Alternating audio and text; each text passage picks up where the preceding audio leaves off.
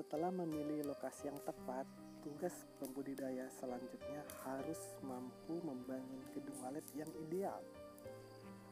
Baik desain maupun pemilihan bahan pembuatannya. Selain itu, pembudidaya juga harus memperhitungkan tata ruang yang tepat agar walet dapat menghasilkan sarang yang berkualitas.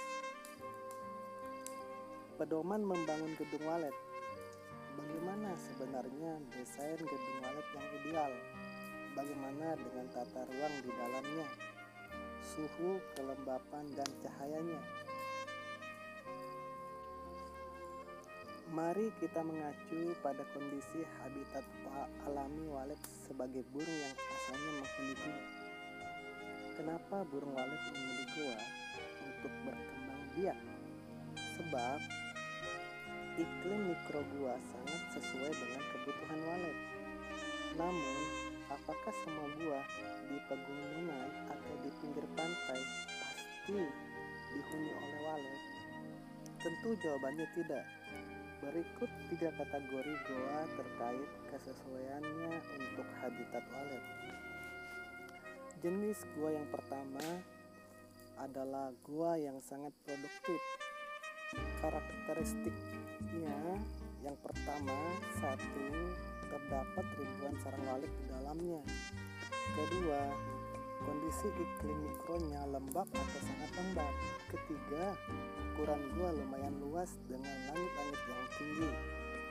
Keempat, cahaya di bagian dalamnya remang-remang hingga gelap. Jenis gua yang kedua, gua yang agak produktif. Karakteristiknya yang populasi waletnya tidak sebanyak gua yang pertama. Yang kedua, tingkat kelembabannya sedang. Yang ketiga, ukuran gua sedang hingga luas. Jenis gua yang ketiga, gua yang sama sekali tidak dipilih untuk berkembang biak. Karakteristiknya yang pertama, kondisi gua yang kering. Kedua, gua terlalu banyak cahaya atau terang. Yang ketiga, ruangan sempit dan pendek. Keempat, suhunya agak tinggi atau panas.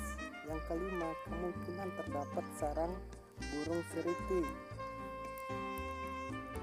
Mengapa faktor kelembapan sangat penting? Sebab walet mudah mengeluarkan liurnya dalam kondisi ruang yang lembab sehingga mampu untuk membuat sarang dengan kualitas yang terbaik. Jika kelembapan kurang atau rendah, sarang yang dihasilkan oleh walet bentuknya tidak sempurna, tipis dan mudah retak.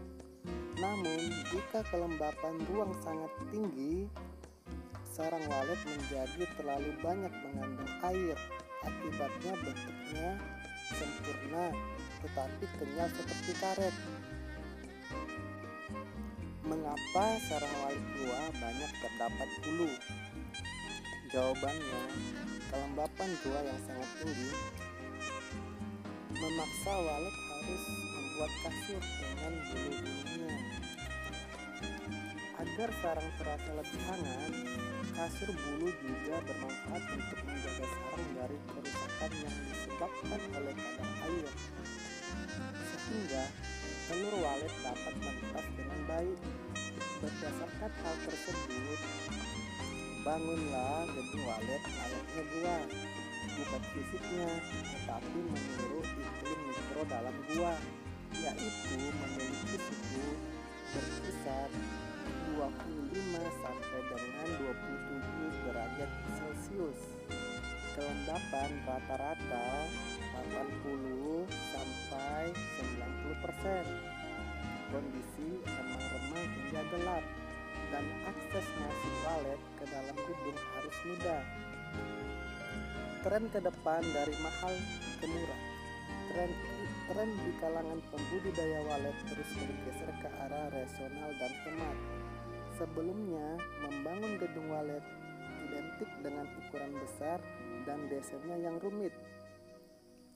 Usaha budidaya walet sebelumnya seolah misterius dan tertutup, dianggap spekulatif dan dijalankan oleh golongan elit.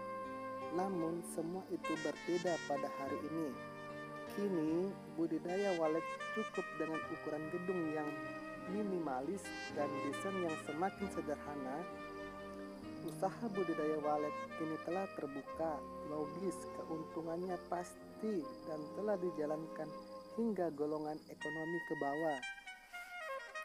Dewasa ini, pembudidaya walet lebih kritis dan tidak mudah dibohongi.